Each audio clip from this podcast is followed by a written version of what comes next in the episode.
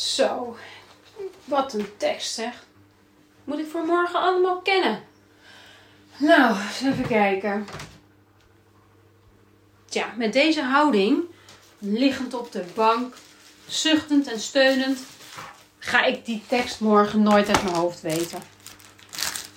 Er is een heel groot verschil tussen lezen voor je plezier, lekker lui lezen, Donald Duckjes of boeken die je zelf hebt uitgekozen, en het lezen voor een toets. Begrijp het lezen moet je dan eigenlijk toepassen. Of uh, begrijp het lezen, studerend lezen, zo kan je het ook noemen. Maar hoe doe je dat nou? Hoe krijg ik het nou voor elkaar dat ik wat ik heb gelezen ook de volgende dag nog weet?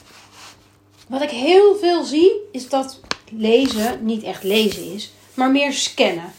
Even vluchtig met je ogen over de bladzijden gaan. Zinnen lees je wel, maar allemaal een beetje oppervlakkig, een beetje vluchtig. Daar kan je hoofd helemaal niks mee. Je hebt op dat moment wel een idee, maar een uur later kost het je ontzettend veel moeite om nog te weten wat je nou gelezen hebt. Dan kun je zeggen: Ik heb geleerd voor mijn toets, maar eigenlijk is dat geen leren. Kost je wel heel veel tijd, maar het resultaat is nieuw, oftewel een onvoldoende. Ik maak altijd gebruik van een aantal technieken.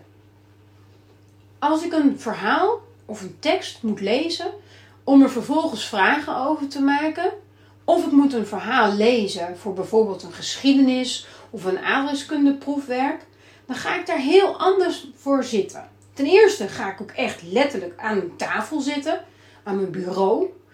Vaak heb ik dan ook nog een keer mijn ellebogen op tafel en mijn hoofd tussen mijn handen. Ik heb geen afleiding, geen muziek, geen telefoon. En ik kan dat maar een half uurtje volhouden. Want ja, daarna ben ik het wel even zat. Ik maak gebruik van de verhaaltrap. Die zal ik ook toevoegen aan deze podcast.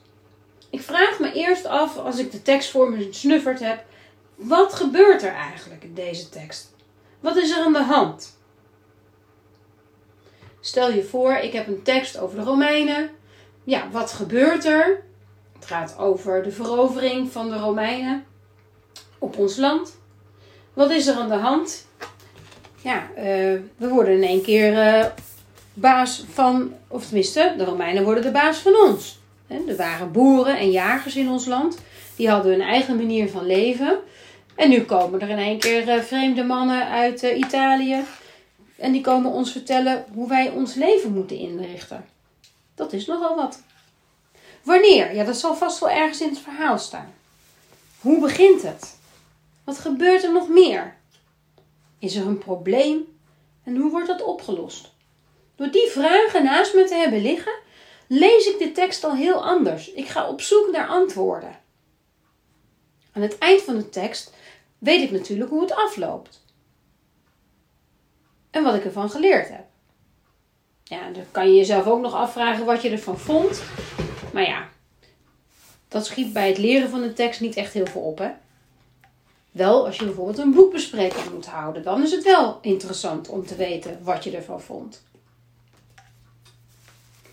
Door het verhaal nu gelezen te hebben aan de hand van dit verhaaltrapmodel, weet ik al meer over het verhaal dan wanneer ik deze verhaaltrap er niet bij gebruikt zou hebben.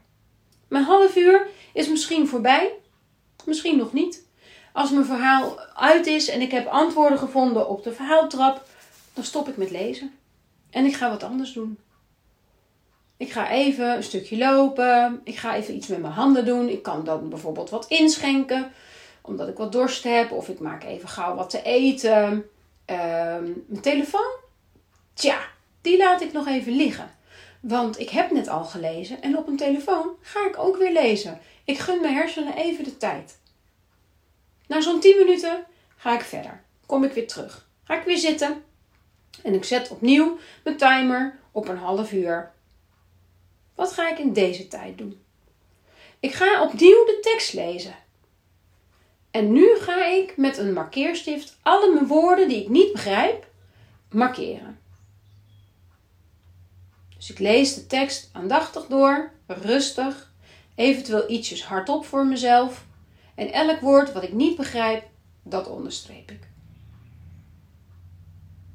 Goed, als ik daarmee klaar ben, dan ga ik kijken of ik de tekst echt wel begrepen heb.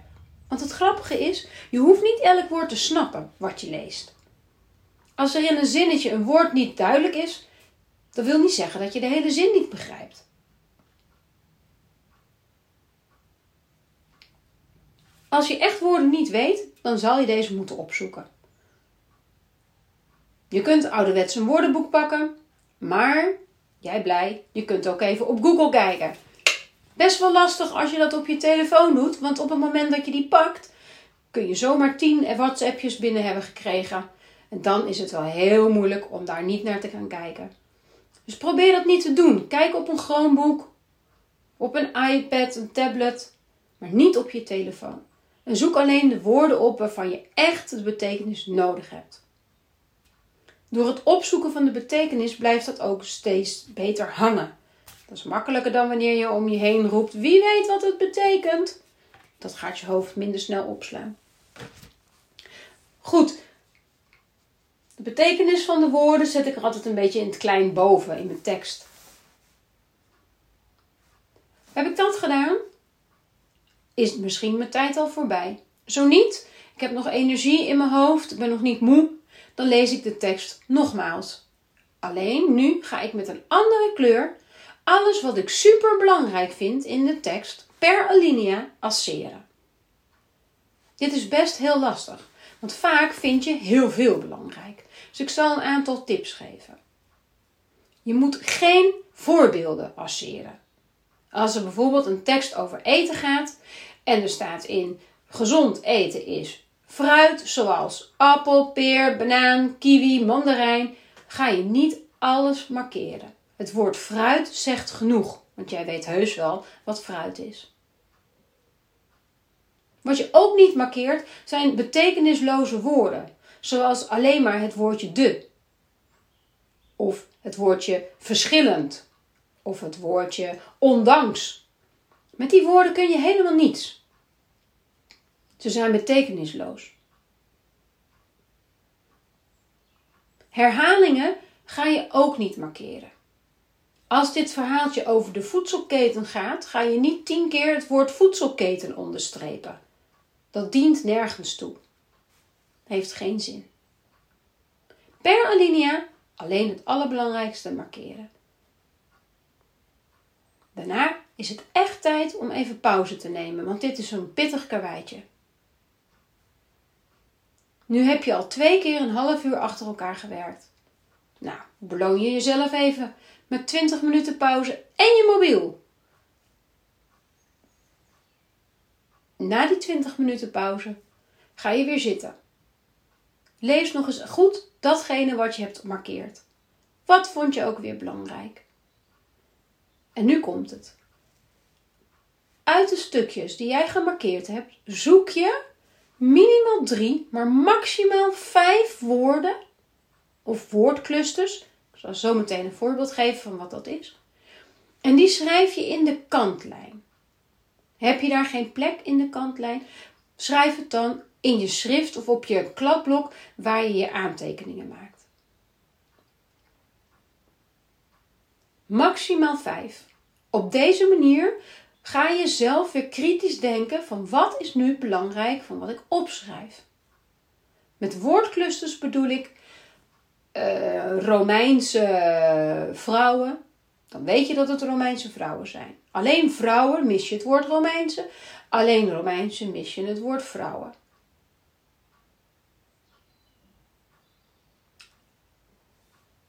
Soms moet je twee woorden gebruiken om het te snappen. Die tel je dan als één. Vaak is dat een bijvoeglijk naamwoord en een zelfstandig naamwoord.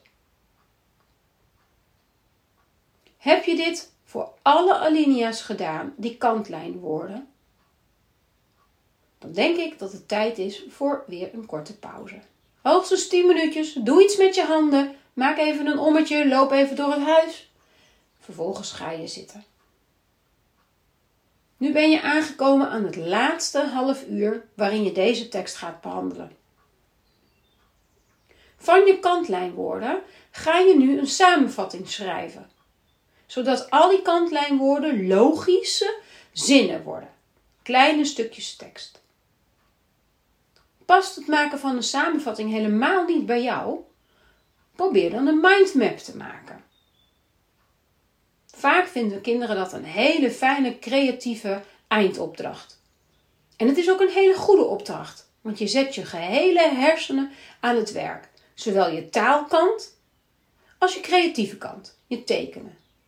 Ook al kan je niet goed tekenen, met pijltjes en sterretjes en poppetjes kun je een heel eind komen. Ik zal je zo dadelijk wat voorbeelden laten zien. Vind je dat ook geen fijne manier van verwerking? Probeer dan, net als de docenten, vragen te maken.